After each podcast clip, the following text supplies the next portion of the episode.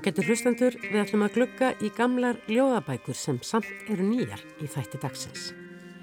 Við fræðumst líka um áhugavert bókmyndaform, örsuguna og undir lók þáttar mætir svo Hallafólu Óskarsdóttir með barnabókmyndaríni og fjallar að þessu sinni um framtíðaskáldsögu Sigrunar Eldjórn Kopareikin, engar viðegandi á lögardegi fyrir páska.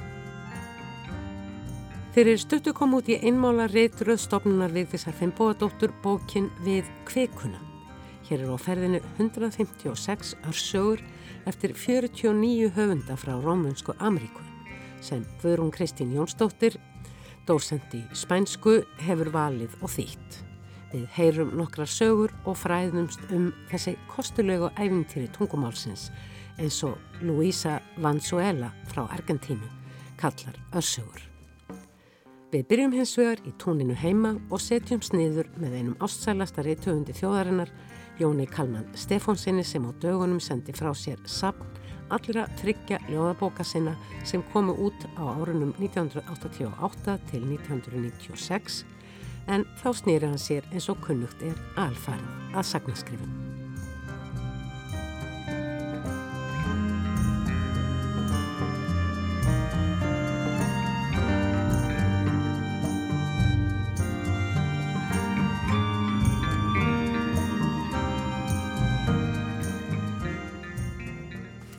Í dag gerði ég uppgötun, vantanlega vita þetta allir sem lesa ljóð, en við lestur ljóðasaps Jóns Kalmans Stefánssonar, þetta voru bestu ár æfiminnar, en það man ég ekkert eftir þeim, ljóð 1988 til 1994, uppgötaði ég enn galdur ljóðsins. Það er tímatæki, ekki síður en samskiptatæki. Sérkvert ljóða minnstakosti nútíma ljóð sem ennkennast af personulegri upplifun, hugssín ljóðskaldsins sjálfs, sem fyrir list sína við að ræða saman orðum sem hugljómunin kveikir, umbreytist svo úrverður personuleg upplifun þess sem les. Hann finnur slátt ljóðsins og intak þess í sínum hugarheimi.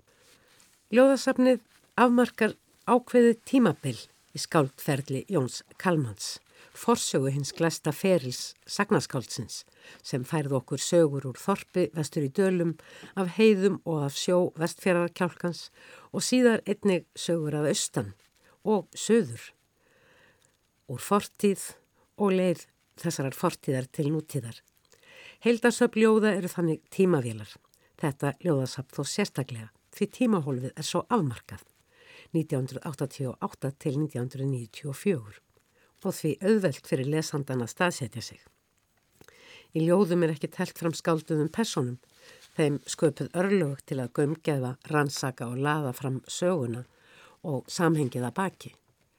Í ljóðum, engum ljóðum í ljóðasafni, stendur ljóðmælandin frá því fyrir löngu, berskjaldadur fram með fyrir lesanda sínum í dag, en er jáfnvel allt annar nefnilega í þessu tilviki sagnaskáldið Jón Kalman sem lesendur þekkja svo vel og dástað. Jón Kalman, þú ert tinga kominn þrátt fyrir bóð og bönn um takmarkaðan hreifanleika, enda hér vissulega farðið að öllum reglum þaralútandi, til hamingu með þetta endurlitt. Þetta voru bestu ár æfiminnar, enda man ég ekkit eftir þeim. Hvað kom til að þú ákvaðst rúmum aldar fjörðungi eftir að síðasta þessara ljóðabóka kom út að rétt okkur lesendum þínum þessar þrjár bækur í einni?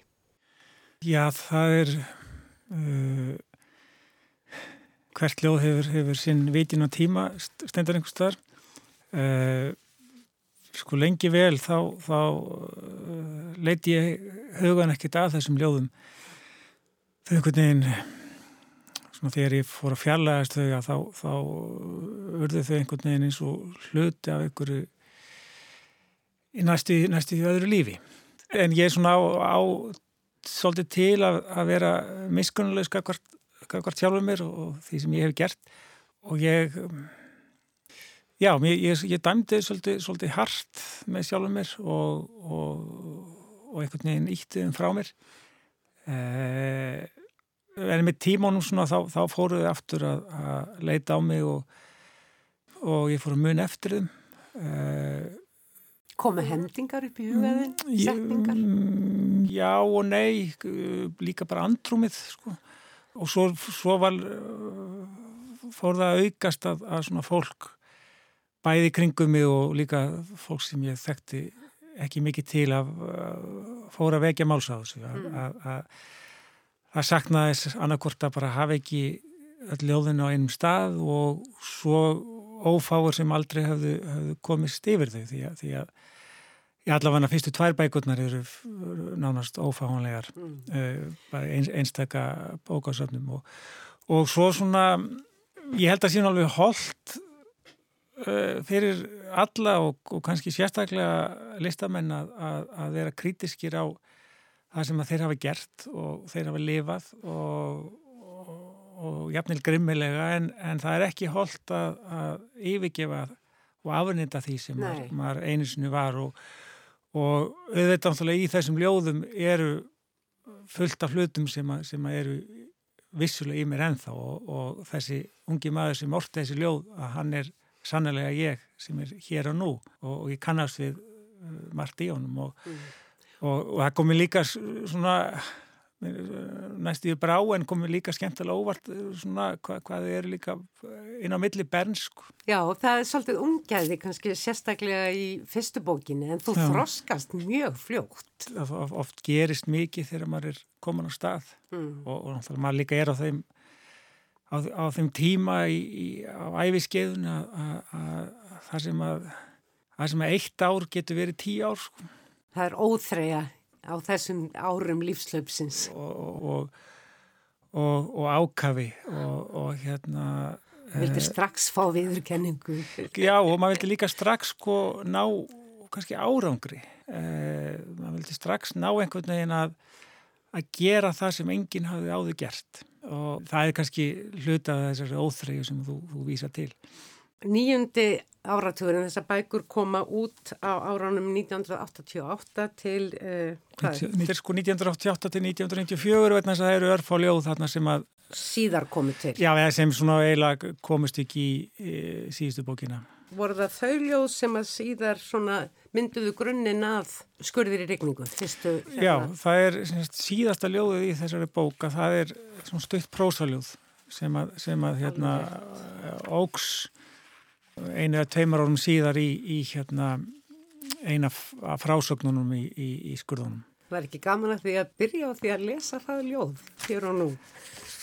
Byrja á öfugum enda. Já, ég nú bara hef aldrei lesið þetta ljóð uh, hérna, upp á þetta. Örlega ríkt sumarkvöld. Örlega ríkt sumarkvöld. Þegar bóndin vildi láta stækka túnið var maðurinn á gröfunni kallaða til. Í heila viku urraði grafan gul í mýrinni, í hádeginu kom maðurinn í mat og lyktaði af nefntopaki. Kvöld eitt þegar grafan var þögul, stökk ég ofan eitt skurðin og brá svolitið þegar ég lendi á moldugri hauskúpu. En þetta var bjart sömarkvöld með fugglasöng og myrkrið bara óljós grönur. Við hlið hauskúpunar var hrúa af steingerðum orðum. Umhugsuna laust stakk ég nokkrum þeirra undir tunguna. Þegar ég kom upp úr skurðunum sá ég að fjallið var ekki lengur fjall.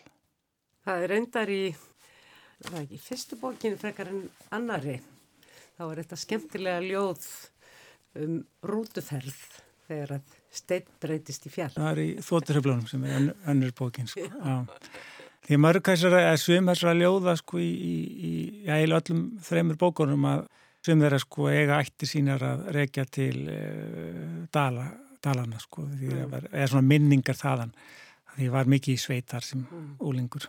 Að ég sko ólst upp í Reykjavík og bjóð hér til 12 aldurs en, en það var alveg frá uh, þegar ég var 6 ára eitthvað svo leiðis og, og, og fram til 20 og þá og var ég alltaf út á landi á sömrin. Ég mann hvað ég var hissa þegar ég var komin á frítursaldur og, og, og, og dvaldi heilt ár hér fyrir sunnan að, að ég bara þekkti ekki sumar og borg saman. Þú eru samt ekki bein náttúruljóð heldur, velur þau yfirleitt við eitthvað svona mjög afmarkað eins og stein eða skurð? Ég var og er ekki, er ekki uh, svona náttúru skáld eins eins og það er tólka sko og, og mér er það lífsins ómögulegt að, að yrkja um eitthvað e, já, eitthvað svona stakt í, í náttúrunni e, án þess að sita í samhengi við einhver annað sko. Mm. þannig að, að e, maður og náttúru eru kannski alltaf eða svona renn alltaf sama hjá mér. Þú minnist á í eftirmálanum, skemmtilegur þessi eftirmála sem við komum örgulega nánar að síðar, minnist á ljóð uh, eftir Arn Arnarsson. Já. Þú byrtir hendingarorði, ég fletti því nú ekki upp, það er óhægt um vik þessa dagana að, að finna ljóð, bókasöfnin lókuð og svo framvegis. Þetta er, þetta er politist ljóð, verðist mér. Já, já, þetta hérna, hitti mig algjörlega í, í hjartað og og það löngu áður en ég fór að lesa ljóð. Það var í skólaljóðunum svo kallu, þetta var blá bók sem var lesin í skólum hérna í áratí. Mjög mikilvæg bók fyrir íslenska ljóðlist. Já, já, mjög áriða mikil sko og hérna, ég man að ég kliftað út reynilega. Úr bókinu? Já, skömma að segja frá því, ekki, ekki, ekki segja neinum. En hérna, ég var bara svo heillar að því og, og, og en það var undarlegt að það, að ég var ekkit að lesa sko önnur ljóð það var bara þetta staka ljóð sem að fylgdi mér og ég var einhvern veginn svo ég veit ekki, það var, það var einhvern veginn kvarlaði ekki að mér að, að lesa ljóð út frá þessu, ég var bara fastur í mínum barnabókum og spennabókum og svona en, Morgan Kane og svo fram já, já, algjör, fram. algjörlega sko og, og, og Tarsan og Alstum McLean og, mm.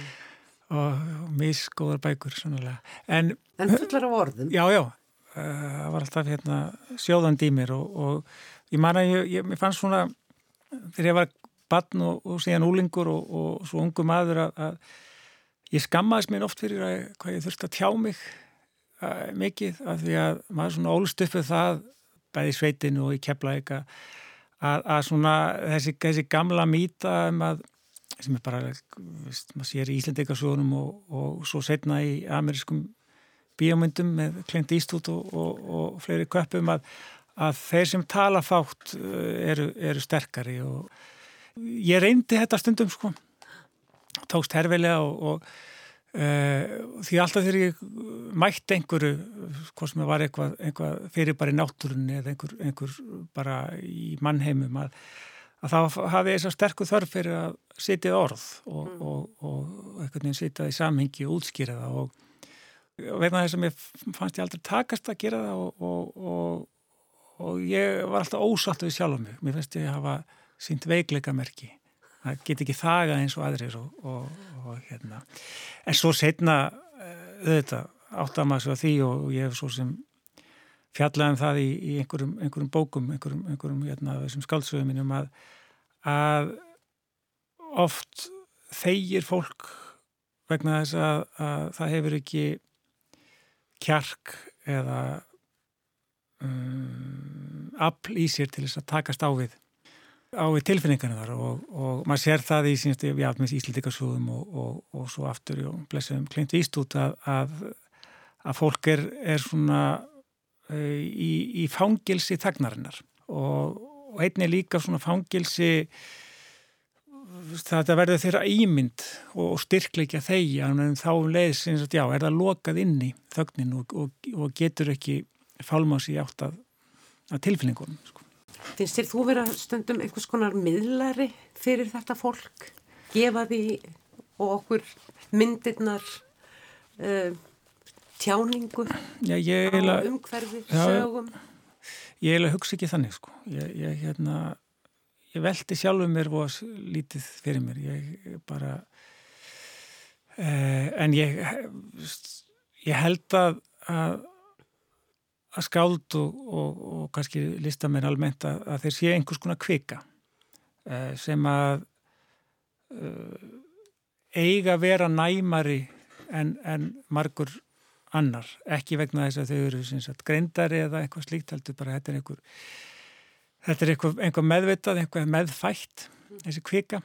Og, og uh, alveg eins og sem eru handlæknir já og sem eru betri fókbalt en aðri sko. og, og, en þetta er einhver kvika sem er til þess að maður, maður, maður skinnjar mannlífið á einhvern óræðri hátt og stundum, stundum dýbri hátt og, og þess vegna verður verða bækurnar oft, oft miklu, miklu greindari og, og, og, og marg þættar en höfundurinn sjálfur og þess vegna líka geta suma bækur já, geta suma bækur nána sagt til um, um, um hluti sem ekki hafa gerst. Það er svo margt sem að opnast um leið og ferðaskrifa og hjá mér allan að þá verður skálskapurinn til með því að skrifa. Sko.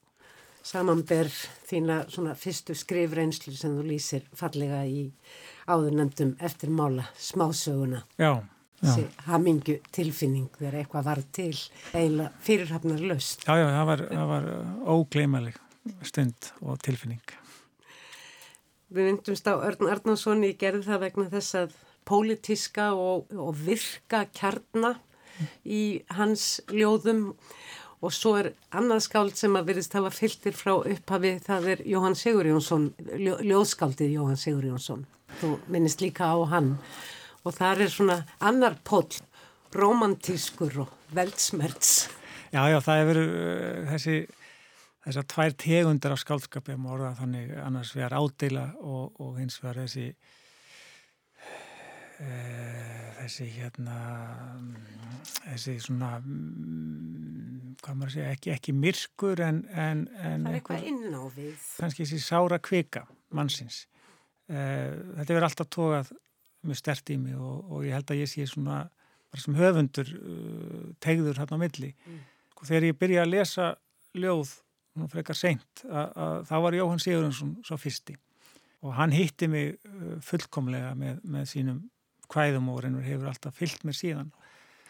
Af því það er einhvað þetta svona, já, þetta, þetta svona dimma, seiðandi og sára magn sem er í, er í hans hvæðum og, og maður er svo þakkláttur og glaði fyrir að, að það sé til svona, já, hvað maður segja, marga tegundur af skaldum að, að því að stundum þá þráum að bara skaldskap eins og Jóhans en svo koma stundir þar sem þú vilt fá skálskap sem að tala reynd út um, um, um lífið og tilveruna og, mm.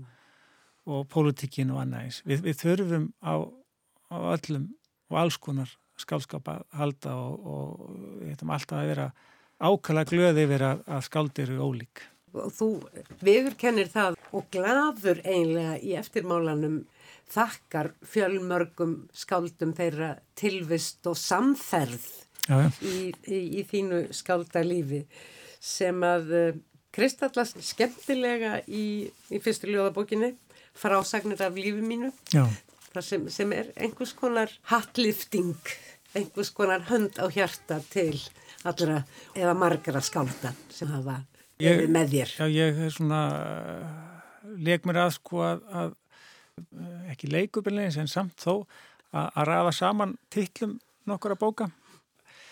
En það er alltaf sko í hverskipti sem maður nefnir eina bók þá eru 30 bækur sem maður kemur ekki að. Frásagnir af lífi mínu.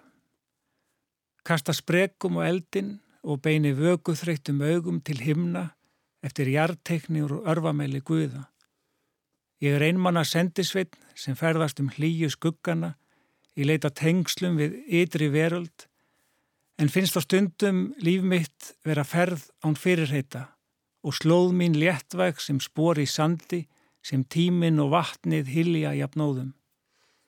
Hef margóft reynd að komast undir regnbógan þar sem lífið liggur á lausu en hef hinga til einungis hitt fyrir menn með svartkvít axlabönd að vekkfóðra óandaleikan.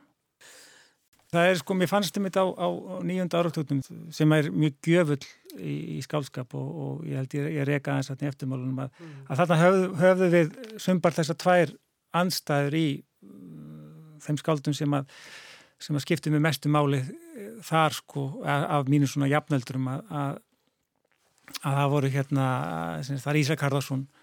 Uh, og, og Gerður Eliasson sko, sem voru, voru hérna afar ólík og eru afar ólík skáld og, og, og það sem að heitlaða mann með uh, hjá Ísaki Harðarsinni var þessi náttúrulega eitt frumlegasta skáld sem við megnast en það er uh, hvernig hún tók stundum að, að þætta saman ádeilu skáldskap og hérna leysur læðingi eitthvað förðurlegan kraft og, og blanda saman líka sinns að hérna uh, ekki leik heldur, heldur uh, form tilreinum eða, eða nota formið ekki, já, hann notaði formið til þess að, að gefa uh, skálskapnum og stundum uh, ádilinu enn uh, þingra vægi og, og, og tálka, eða já, gerða enn beittara en, það, en það var bara svo margt að gerast í skálskapnum á, nýjunda áratöknum. Byrjaði náttúrulega með vist, miklu látum einar um á og, og svo komu vist, þessi já, Ísak og, og Girðir og Bræi og, og Kristín Ómars. Metusuhópurinn, bestivinur Ljóðsins. Það er alveg einstaklega gaman, minnist þess ekki að hafa lesið svona samþjappaða og svona kraftmikla fjöruga lýsingu á nýjunda áratögnum og fram yfir nýju tíu. Já skald og reithöndar úr öllum áttum úr hafnafyrður úr breiðholti frá Sauðarkróki, ekki lengur bara úr MR nei, nei. og fólk úr verkalýsbaráttinni, sjúkraliðar, bókaverðir, úlingar í félagsmiðstöðum. Ég var sjálfa á þessum árum í leikhúsin og þar var líka mjög mikil degla, sjálfstæði leikhópar spruttu fram, eggleikhúsið og nefnendaleikhúsið var svona ja. Eh, virk menningastofnun frú Emilja ekki, og forlögin svo Bjartur verður til sem var ju þitt forlag, var það ekki? Jú, það var mitt forlag það var sem þetta á tíunda áratunum og um, ég var nú reynda stóran hluta þess að tímanbils ekki á landinu þannig að ég misti af þessum bókum þínum þegar þær voru að koma út mm. og uh, kynntist ég bara sem sagnaskáld og frétt ekki fyrir löngu-löngu síðar að þú hefur skrifað ljóð og hefðir í þínum huga og kannski flestra verið ljóðskáld. Já, já, ég leita á mig uh, sem ljóðskáld og, og, og varði eiginlega sagnaskáld uh, án þess að ætla mér eða sko. Ég maður náttúrulega kemst ekki undan, undan hérna, sjálfum sér. Og ég bara átta mig ekki á því að, að, að þetta sagnaskáld bjá í mér. Og ég reyndi sko framann af að skrifa smásögur en, en mér fannst ég ekkit ekkert ráða við það form og, og hérna mér er því að það var smásveitna samkeppni í, í skólablaðinu eða skólatímarættinu og, og ég sendi inn sögu og maður sáði eftir á sko að var svona stælinga og endur gríðarlega áhrif frá, frá tór ég náði aldrei að vera ég sjálfur sko ég náði ekki þeim þroska og taldi mig bara að vera með gáfu ljóðskálsins og, og stuttað neittnið að texta. Það varstu lengi að yrkja þessi, þessi ljóði það komið þessum vorsum á sín tíma. Það voru nú að misjamt sko. Ég vil nú er það þannig að hvað sem er ljóði eða, eða prósi að, að það kannski kemur hratt og, og, og stöðugt, sérstaklega með fyrstu tvær reyndar ljóðbækunar en, en ég þarf alltaf að, að vinna í því. Maður þarf alltaf, alltaf að láta þetta liggja. Skaldnáttlega er svo misjöpt sko. Hann er Sifússon, hann þegar hann var ungur sko þá, þá vart hann ljóði líku við á þryggjara fresti en þá komuði sko stórum áttu og nánast bara alls sköpuð meðan aðrið þurfa að láta það liggja árum saman og, og púsa þið sko. Hannes eh, var mikilvægur kvartningamadur í þínu skaldalífi, ekki satt? Jú, hann er Frændiðinn? Já, hann er frændið minn, hann er sem sagt bróður afa minns og, og, og ég er svo sem vissi ekkit af honum, móðurætti minn er, var svolítið tætt og, og hérna en, en svona þegar ég fór að yrkja og, og, og það rann upp fyrir mér að, að eitt helsta skáld á síðustu öld var, var sagt, ná skildum mér mm. og þá fór ég sagt, að, að lesa hann sjálfsög og tengdi mig strax mjög við hann sko. Við erum einhverju liti skildir sem skáld Já, og við sækjum báðir í beint og óbeint í tónlist það er svona, ég held að það sé tónlist í, hjá okkur báðum í, í tungumólundu og mm. Uh, en sem sagt ég, ég eins og ég reki eftirmálunum þá þá sko þegar ég var komið til Reykjavíkur og, og komin að kafi í Irkja og, en, en það háði mig svolítið að ég þekkti engan að ráði sko sem að, sem að var á kafi í þessu sem ég gæti leita til þannig að, að mér dætti huga að skrifunum út til Norex að það sem hann bjó. Ég er hérna 24, 5 ára. Uh, ég byrja ekki að yrkja fyrir henn sko 21 ás eða eitthvað sluði sko. Það tók mig tíma að verða til. Og ég hafði aldrei sko hitt Hannes mér vitandi áður og, og vissi ekki eins og að hann vissi að ég verið til sko.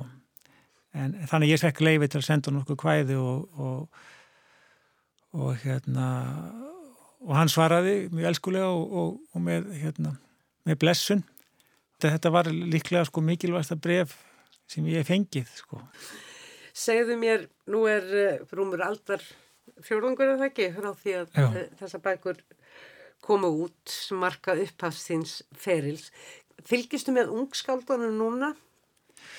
Sko ég man á þessum tíma að, að maður semst, þefaði allt uppi sem var að koma út og þá hugsaði með sjálfum mér að ég, ég lofaði sjálfum mér því að vera alltaf þannig, að fylgjast alltaf mjög mm. grann með það sem er að gerast og ekki láta fara neitt fram hjá mér og það hefur nú kannski því miður ekki tekist og ég held að sé nú eiginlega útlökað. Nei og eini er svona helsti ókostur við að, að vera alltaf að skrifa skálsugur að það tekur svo langa tíma þá er minni tími aflögu fyrir að lesa en ég reyni alltaf að, að fylgjast með og lesa mig til um hvað er að gerast og, og, um leiðum maður heyrir af einhverju aðtiklisverðu þá, þá hérna, mm. leita maður upp í. Það er svo ofbóslega mikilvægt fyrir höfund að, að lesa án afláts og, og helst sko samtímis uh, þúsund ára gammal ljóð og ljóð sem var ótt í gær. Áhrif eru nöðursileg og allir höfundar ætti að gleðjast í að verði fyrir áhrifum mm. uh, maður á stöðu ætti að vera mótast sem, sem höfundur og, og maður á alltaf að vera tilbúin að taka mót einhverju nýju og, og láta það að breyta sér mm.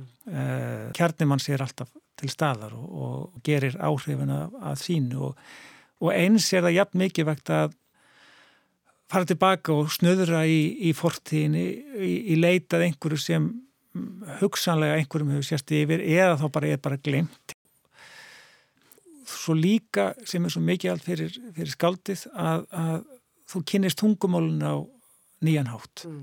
Uh, rætur þess líka svo djúft mm. og, og maður er á að reyna að, að, að fá magnið úr, úr sko, eins djúft og hægt er að komast mm.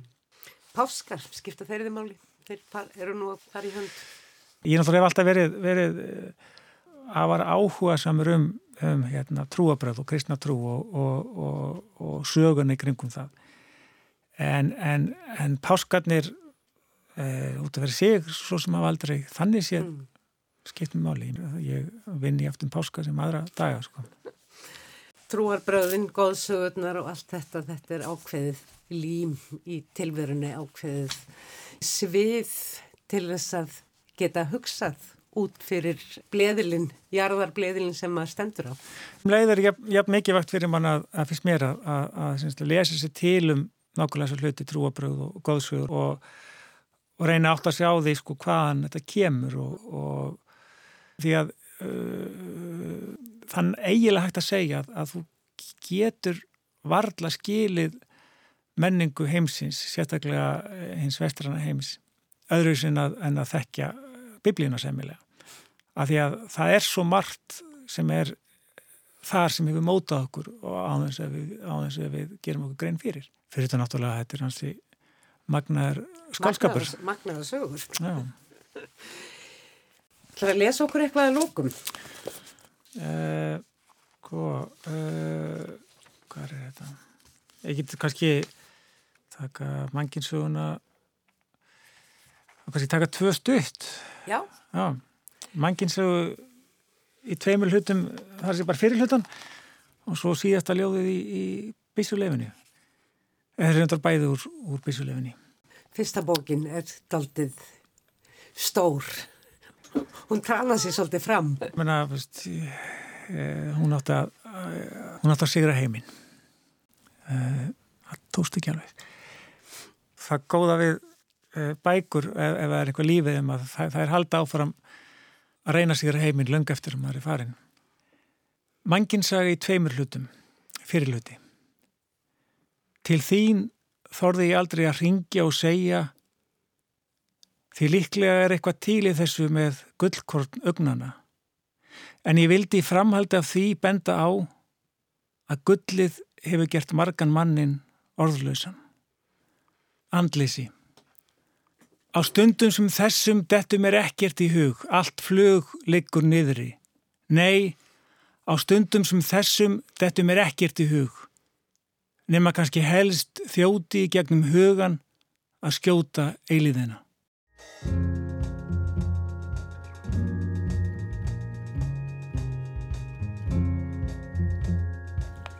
Stopnun Vigdísar Fimboadóttur hefur nú í rúman áratug haldið úti svo kallari einmála ritröð stopnunar Vigdísar Fimboadóttur. Öfugt við tvímála útgáfustofnunarinnar sem flestar innhalda ljóð eru verkin í þessari ritröð aðeins byrt á íslensku og eru öll prósaverk. Nýjasta bókin í þessari röð er Við kvikuna örsögur frá Rómunsku Amríku sem Kristinguðurinn Jónsdóttir dósend í spænsku hefur valið og þýtt og auk þess skrifar hún mjög fráðlegan og yfirgripsmikinn formála um þetta áhugaverða form sem sannarlega á sér sögu. Kristín er hérna hjá mér, eða öllu heldur, hún er stödd heima hjá sér því hún er nýbúin að fara í próf og hefur ekki enn fengið niðurstöðu en tæknin hjálpar okkur til þess að gera þetta samtal ykkur hlustendum heyranlegt. Og mér langt til að byrja á því að byrja því Kristínum að segja þess frá þessu formi, örsögunni, þróun þess og hvers vegna örssagan hefur orðið svona útbreytt og vinsæl í Rómansku Ameríku. Já, takk fyrir að bjóða mér í þáttinn, Jórun. Nú um örsöguna eins og heiti gefið til kynna þá er þetta mjög knaft form og uh, oftast er reynd að segja uh, sem mest með sem fæstum orðum og það kallar auðvitað á meiklað málfær og nákvæmni í orðavali. Oftast er þetta mjög stuttarsögur, það geta verið nokkra línur uh, upp í síðu og kannski einu og halva síðu. Uh, nú, sögurna geta verið margvíslegar. Þetta getur verið stuttafrásagnir, samtal, lýsingar, kyrralífsmynd og svo framvís. Og... Um, Minni stundum svo litið eins og brandara. Það er svona yfirleitt eitthvað svona pönslæn. Já, einmitt. Og þá þarf maður að passa upp á að það sé ekki bara brandari. Það þarf að vera eitthvað meira en brandari, eitthvað aðeins meira á bakvið dýft. Já, en þetta er svona blendingsform og örsagan sækir innblástur mjög víða og hún sækir líka innblástur í, í önnur bókmyndaform um, og aðra bókmyndagreinar. Uh, hún leini stundum á sér og lesandin, hann kannski nærðum ekki endilega við fyrsta lestur og maður veit ekki alveg hvort það sé að vera að segja eitthvað eða ekki, hvort það sé að hálfpartin verið að gera grína manni, hvort maður sé ekki alveg nógu gáfaður að vitur til að, að skilja það sem er verið að segja. Og maður þarf að gefa sér tíma til að lesa svona heila bók með svona mörgum hörsögum eftir svona marga höfunda. Já, akkurat. Og helst bara ekki að lesa ofumarkar í einu. Þær þurfa svona dalti tíma, maður þarf að melda þær, en það kallar ekki alltaf, en þær kalla oft á uh, virkan lesanda þannig að hlutverk lesandans verður töluvert. Það er mikið rétt en svona áður en lengri er haldið ættum við kannski að gefa hlustandum örlittla uh, insýn í það hvernig örsagan getur hljómað. Við völdum þarna úr nokkra sögur sem allar tengja svona sama góðsagnarlega fyrirbærinu, nefnilega þegar að Ótiseifur stóðst uh, söng sírenuna með að láta binda sig við mastrið. Þetta hafa allmargir versagnarhöfundar frá Rómunsku Amríku fjallaðum með ólíkum hætti á ólíkum tímum og jafnvel er að tala saman yfir, já, alltaf því heila öll í þessum sögum sínum. Já, þeir eh, sækja mjög í, hafa sótt í grísku góðafræðina og svo í alls konar svona þekktar klassíska sögur úr biblíunni, gamlega nýja testamentunni eða þekktar þjóðsögur og ævintýri Don Quixote. Já, Don Quixote. Draumar eru eitt efni sem að kemur mjög oft fyrir en þeir hafa mjög margir svona kallast svona daldi á í bókun sínum þessu höfundar. Þeir eru daldi að leika sér En uh, þessir höfundar margir hafa leigið í grísku goðafræðinni og líka miðaldatekstum og bara fornum tekstum, alls konar fabúlum, um, dæmisögum eða þá svona dýratölum, svona bestiarjum, þeir hafa líka svona mikið lesið það og skrifað þannig. En hér er til dæmis dæmi um uh, Ótiseif og Sýrinurnar og fyrsta, hér er sagan til kirkku eftir Julio Torri frá Mexiko, hún er frá árunni 1917 og það er oft talað um þessa sögu sem svona upphaf sögu, fyrstu örsögu alfunar til kirkku. Kirka, dyrðarinnar giðja, viðverunum þínum hef ég fyllt, skref fyrir skref. Ekki leti þjó tjóðra mig við siglutrið þegar að eiga sírennana var í sjónmáli, því að ég var staður á henni að láta granda mér. Mitt í kýrlátu hafinu sást mannskætt engið, það líktist farmi af fljótandi fjólum. Kirka, göfug að giðja með þín fagra hatt, örlug mín eru grimm. Það sem ég var staður á henni að láta granda mér, sungu sírennutnar ekki fyrir mig. Hér kemur saga sem er tilenguð Julio Torri, höfundar fyrir sögunar hún er líka eftir höfund frá Mexiko, Salvador Elizondo og hún er frá árinu 1972. Hún er svona aðeins lengri. Viðvörun Undræjan steg upp úr hafinu eins og gígur fullur af liljum og rósum. Uppur hádeginu fór ég að heyra nýstandi óma töfrasöngsins. Ég hafði skellt skollaeirum við skinsamlegum ráðum giðjunar og þráði af öllu hjarta að ganga þar í land. Ég fylgdi ekki hlustir erðna minna með vaksköku og leifði ekki heldur ákvöfum félögum mínum að reyra mig við mastrið.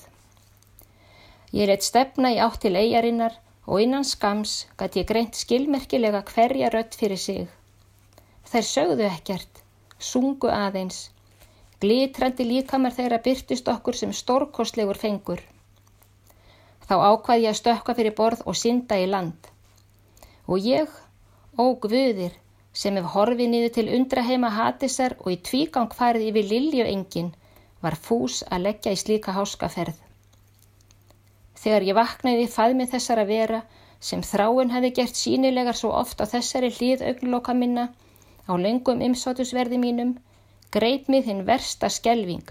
Ég rak upp skadræðis öskur eins og villisvín. Ó gvuðir, ég sem var reyðubúin að líða skipbroti í gardi unasemtana, skipti á frelsi og fósturjörð fyrir fræð eigarinnar illræmdu og þjóðsagnakendu. Sæfarar, það skuri þið vita að söngur sírin er heimskulegur og einhæfur. Samtöl við þær hrút leiðinleg og taka engan enda. Líkamar þeirri eru alsettir hreistri, þarabrottum og þörungum. Svo er fiskifíl af þeim.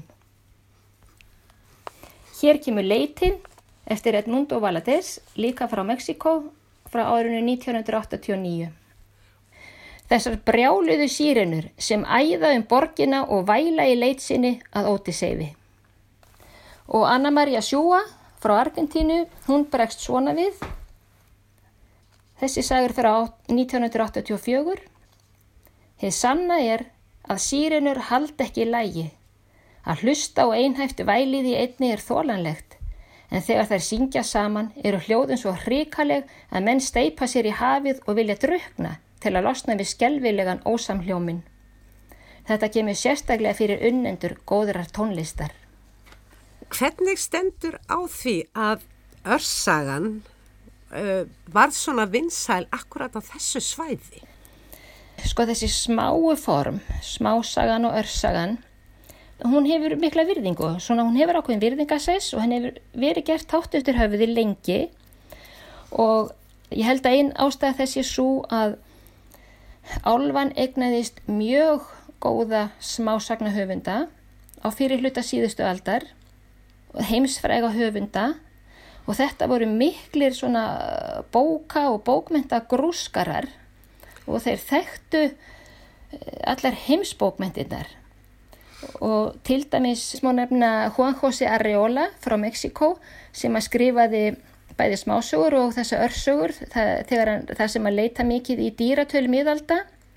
Augusto Monterroso frá Guatemala en bjó mest alla sína æfi í Mexiko hann leitaði í fabúlehefðina og skrifaði meðlans annars svarta sögðin sem er til á íslensku. En þetta voru svona bókmyndagrúskarar og er maður bætaði líka Borges e, Bjói Casares e, Marco de Nivi það eru bara mjög margir og þetta eru mm. svona mikið bókmynda áhuga fólk. Og um, Borges fór til dæmis að viða að sér alls konar stuttum tekstum viðaður heiminum og frá mjög ólíkum tímabilum. Og hann gaf út úrvalsritt með þessum tekstum æfa gömlu sögum frá Asíu og úr grísk-rómisku hefðinni og sama gerði Edmundo Valadez í Mexiko þannig að eh, þeir voru bæði með gamla sögur en líka nútíma höfunda.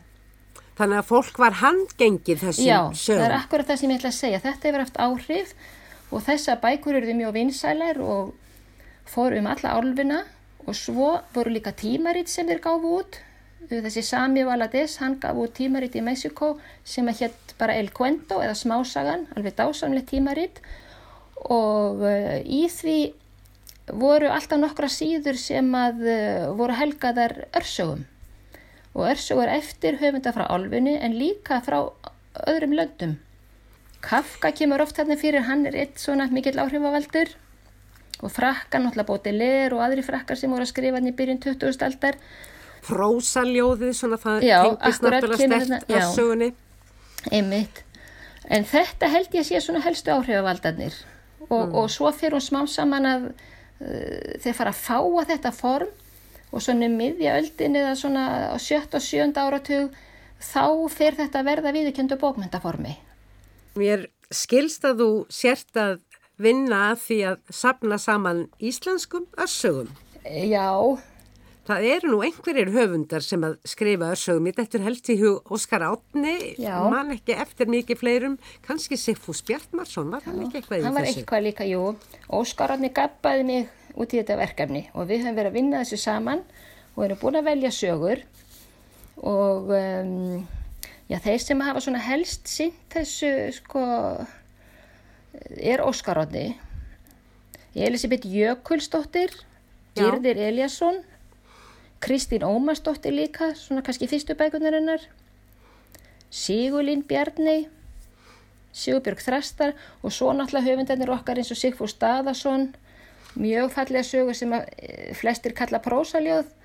Eh, við komum svona daldið að svona spurningjunum hugtakanótkun og skilgreiningar þegar við förum að skoða íslensku örsöguna.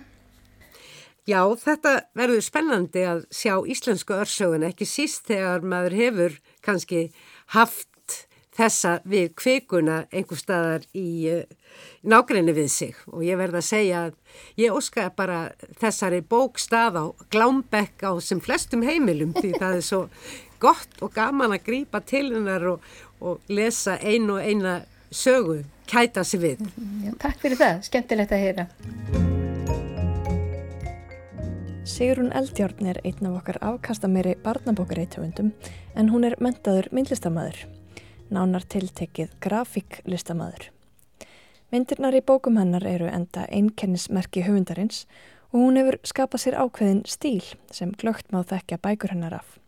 Já og bróður hennar reyndar Þórarins en fyrsta verkefni Sigrunar í þessum geira var að gera myndir í ljóðabók hans en þá var hún ennþá í mentaskóla og hún hefur minnskreitt þær margar síðan þá. Höfundaverk Sigrunar telur nú nær 50 barnabækur og fagnar svo elsta 40 ára afmæli í ár. Það er bókin Allt í plati sem kom út árið 1980. Þar sem sagði frá félugunum Eyvindi og Höllu og kynum þeirra af krókófílunum sem höfðast við í holreisakerfum Reykjavíkuborgar. Þetta var förðusaga í umhverfi sem lesendur í allavega þeir sem byggu í Reykjavík, þekktu vel. Borgin hefur breyst talsvert síðan súsaga kom út sem á heimsmynd og raunveruleiki barna. Bækur Sigrunar síðastliðin ár hafa orðið pólitískari og beint sjónum lesenda að afleiðingum gjörða mannana eða kannski fremur fullorðina. Stríð og umhverfi sóðaskapur hefur verið í brennetepli. Í fyrra kom út tvær bækur eftir Sigrunu Eldjórn, Koparekkið og nýbókum Sigurfljóð sem sér í gegnum Holt og Hæðir. Sigurfljóð í grænum kvelli. Kóparekkið er sjálfstætt framhald Silfurleikilsins sem kom út árið 2018, hlaut Íslensku bókmyndaverlunin í flokki barnabóka og var svo tilnæmt til bæði barnabókaverluna Reykjavíkur og barna- og unglingabókaverluna Norðurlandaráðs. Í Kóparekkinu fáum við að heyra af frekari æfintýrum sögupersonana úr Silfurleiklinum en sögusviðið er framtíðin eftir að svo heimsmynd sem við þekkjum hefur liðið undir lok. Það er auðvitað álitið einkennilegt að lesa framtíðar dystopíu á tímum sem þessum. Sigrun Eldjálf gengur út frá því í stuttumáli sagt að umhverfi sóðaskapur mannana verði til þess að siðmenning þeirra loknist út af. Aðal personur bókana eru sískininn Soltís og Sumarliði og vinkuna þeirra Caritas en auk þeirra koma við sögu hinnir íllviljuðu rustar, konurnar í gjanni, fóreldrar sískinana og njósnadrengurinn Máni. Við lesum söguna frá ólíkum sjónarhornum personana en einnig tveimur mismunandi sjónarhólum ef svo mættið orði komast. Þessir tveir sjónarhólar eru aðgrindir í tekstanum með lit. Saga söguhetjana er skrifið með svörtuleitri en frásögnin sem á sér stað hjá vonduköllunum, það er að segja rustunum, er skrifið með rauðuleitri. Fyrir utan að setja ákveðin tón í kaplana þá lífgar þetta líka upp á útleitið. Talandum vondukallana þá veltir Soltísleitla einu sinni fyrir sér hvort máni sé líka vondur eins og fólkið sem hann njósnar fyrir. Þessar vangaveltur hennar er máni líka vondur fór einhvern veginn öfugt ofan í mig. Hugsanlega vegna þess að bókin er skrifuð einhvern veginn með dölin síðabóðskap í huga að við þurfum að vanda okkur gagvart móður jörð, þá finnst mér tálitið ábreyðalust að draga upp myndir af fólki sem annarkvart góðu eða vondu. Mér finnst það líka á einhvern hátt gera lítið úr börnum sem lesendum, sem er þó ekki grifja sem Sigrun Eldjórn fellur í alla jefna. Í bókum Sigrunar eru börn í aðalhutverki yðurlega að furða sig á hátterni hinn að fullornu. Í þessari bók er mikil áhersla lögð á framtíðina og krakkarnir finna skilabóð frá börnum úr fortíðinni sem er þó samtími lesandans og skilabóðin eru ætluð börnum framtíðarinnar. Börn skipta þannig höfuð máli hvort sem er í fortíðinni eða nútíðinni. Hinnir fullornu eru aukaðatriði. Stundum fælast þeir fyrir, stundum leggja þeir börnunum lið en oftast nær finna krakkarnir lausnir á eigin spýtur. Undantekningarlaust eru sökudólkarnir fullornir og börnin eru góð. Listaverk eru ekki í tómarúmi, hvorki þegar þau eru sköpuð nýja þegar þeirra er notið. Hvort vekja setur því streki í rekningin hér, samtími reytuvendarins og lesandans.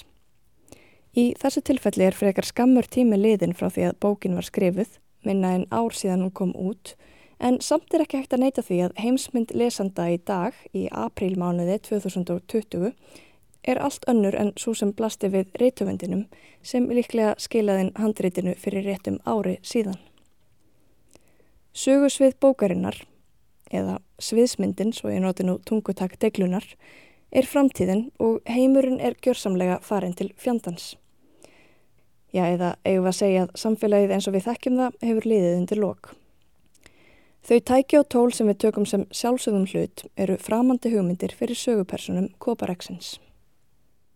Koparekkið sem sagan vísar til geymir svörin, hugsanlega, eða í það minnsta einhverjar vísbendingar um hvernig lífið var í fortíðinni.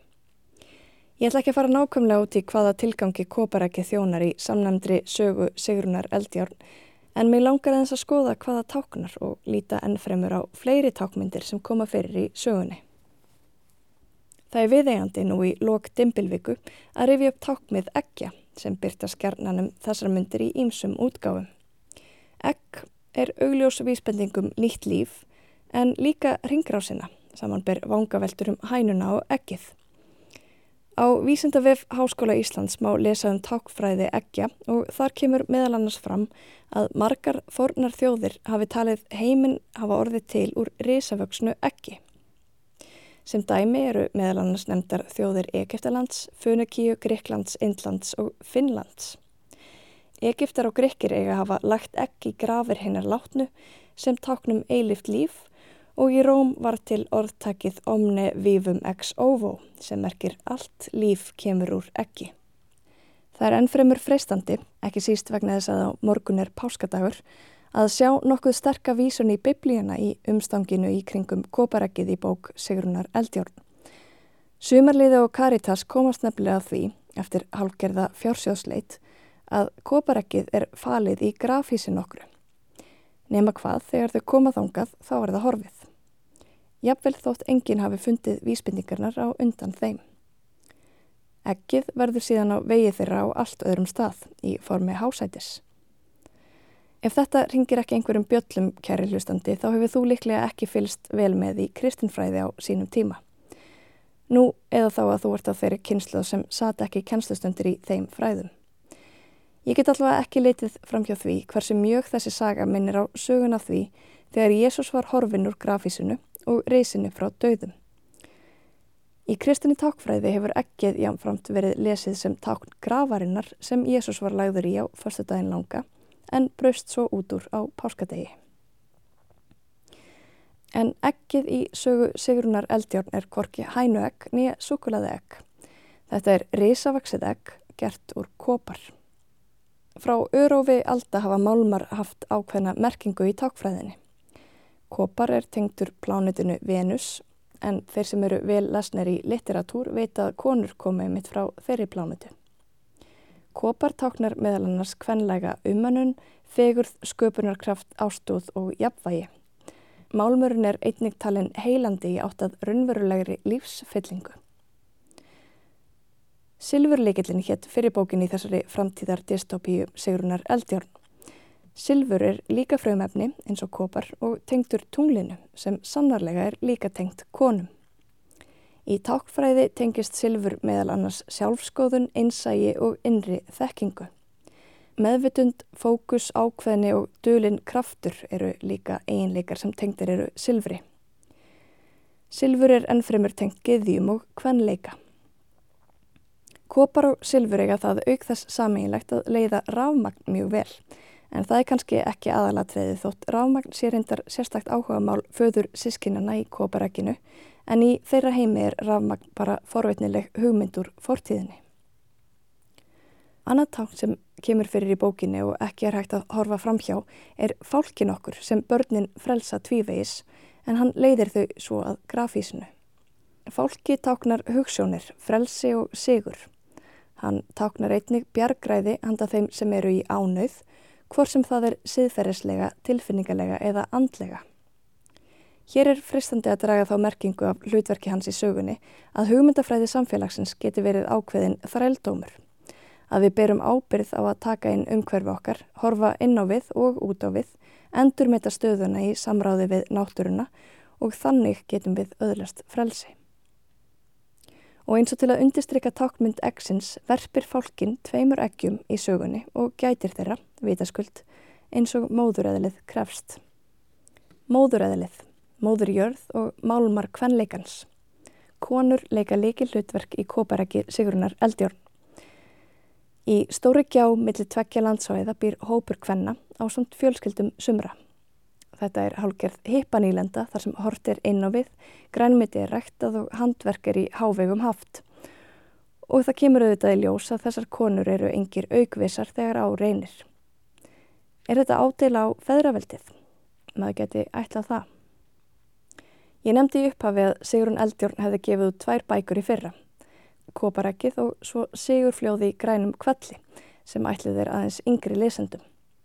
Mér langar svona rétt í lókin aðeins að minnast á hana líka. Nafnið vísar til þeirra umhverfisjónarmiða sem greinilega eru höfundi ofarlega í huga. Í bókinni rennur upp fyrir sigurfljóð hversu illa mennirnir hafa farið að ráði sínu. Bóðskapurinn er einfaldaður í þessari bók, stundum ég vel kannski dálitið hraðsóðin. Ég fekk að tilfinninguna að Sigrúnu væri mikið niðri fyrir, eins og kannski augljósti er af afkastum hennar að dæma, en hér hefði hún verið að flýta sér í framsetningu tekstans. Tekníkarnar fá hins vegar vel að njóta sín. Umfjöllunarefnið er því keimlikt í kóparækinu og segurfljóði í grænum kvelli þótt frásagnar aðferðin sé ólík. Sagan um Sigurfljóð er samtíma fantasia en umhverfis áhyggjur höfundarins skína bersýnilega í gegn í báðum bókum. Annað sem kemur fram í báðum þessum bókum eru ekkin. Sigurfljóð hjálpar nefnilega grætni reysaðilu að finna ekkin sín. Aftur horfir Sigrun til fortíðar, til útrýmingar og endurfæðingar. Veröldin er í stöðugri þróun og allt er breytingum háð. Við mennirnir höfum bara verið hér í örskamastund og eigum það sannarlega til að líta stort á okkur. En þrátt fyrir að heimurinn taki grundvallar breytingum stundum á ókunar hraða, þá er sumt sem breytist ekki og eitt af því er fótabúnaður krakkana hennar Sigrunar Eldjörn. Börnin í bókum hennar eru enn í konverskóm. Fleiri verða orðum bækur ekki að þessu sinni. Teknimaður þessa þáttar var Einar Sigursson. Takk fyrir að hlusta. Verðið sæl.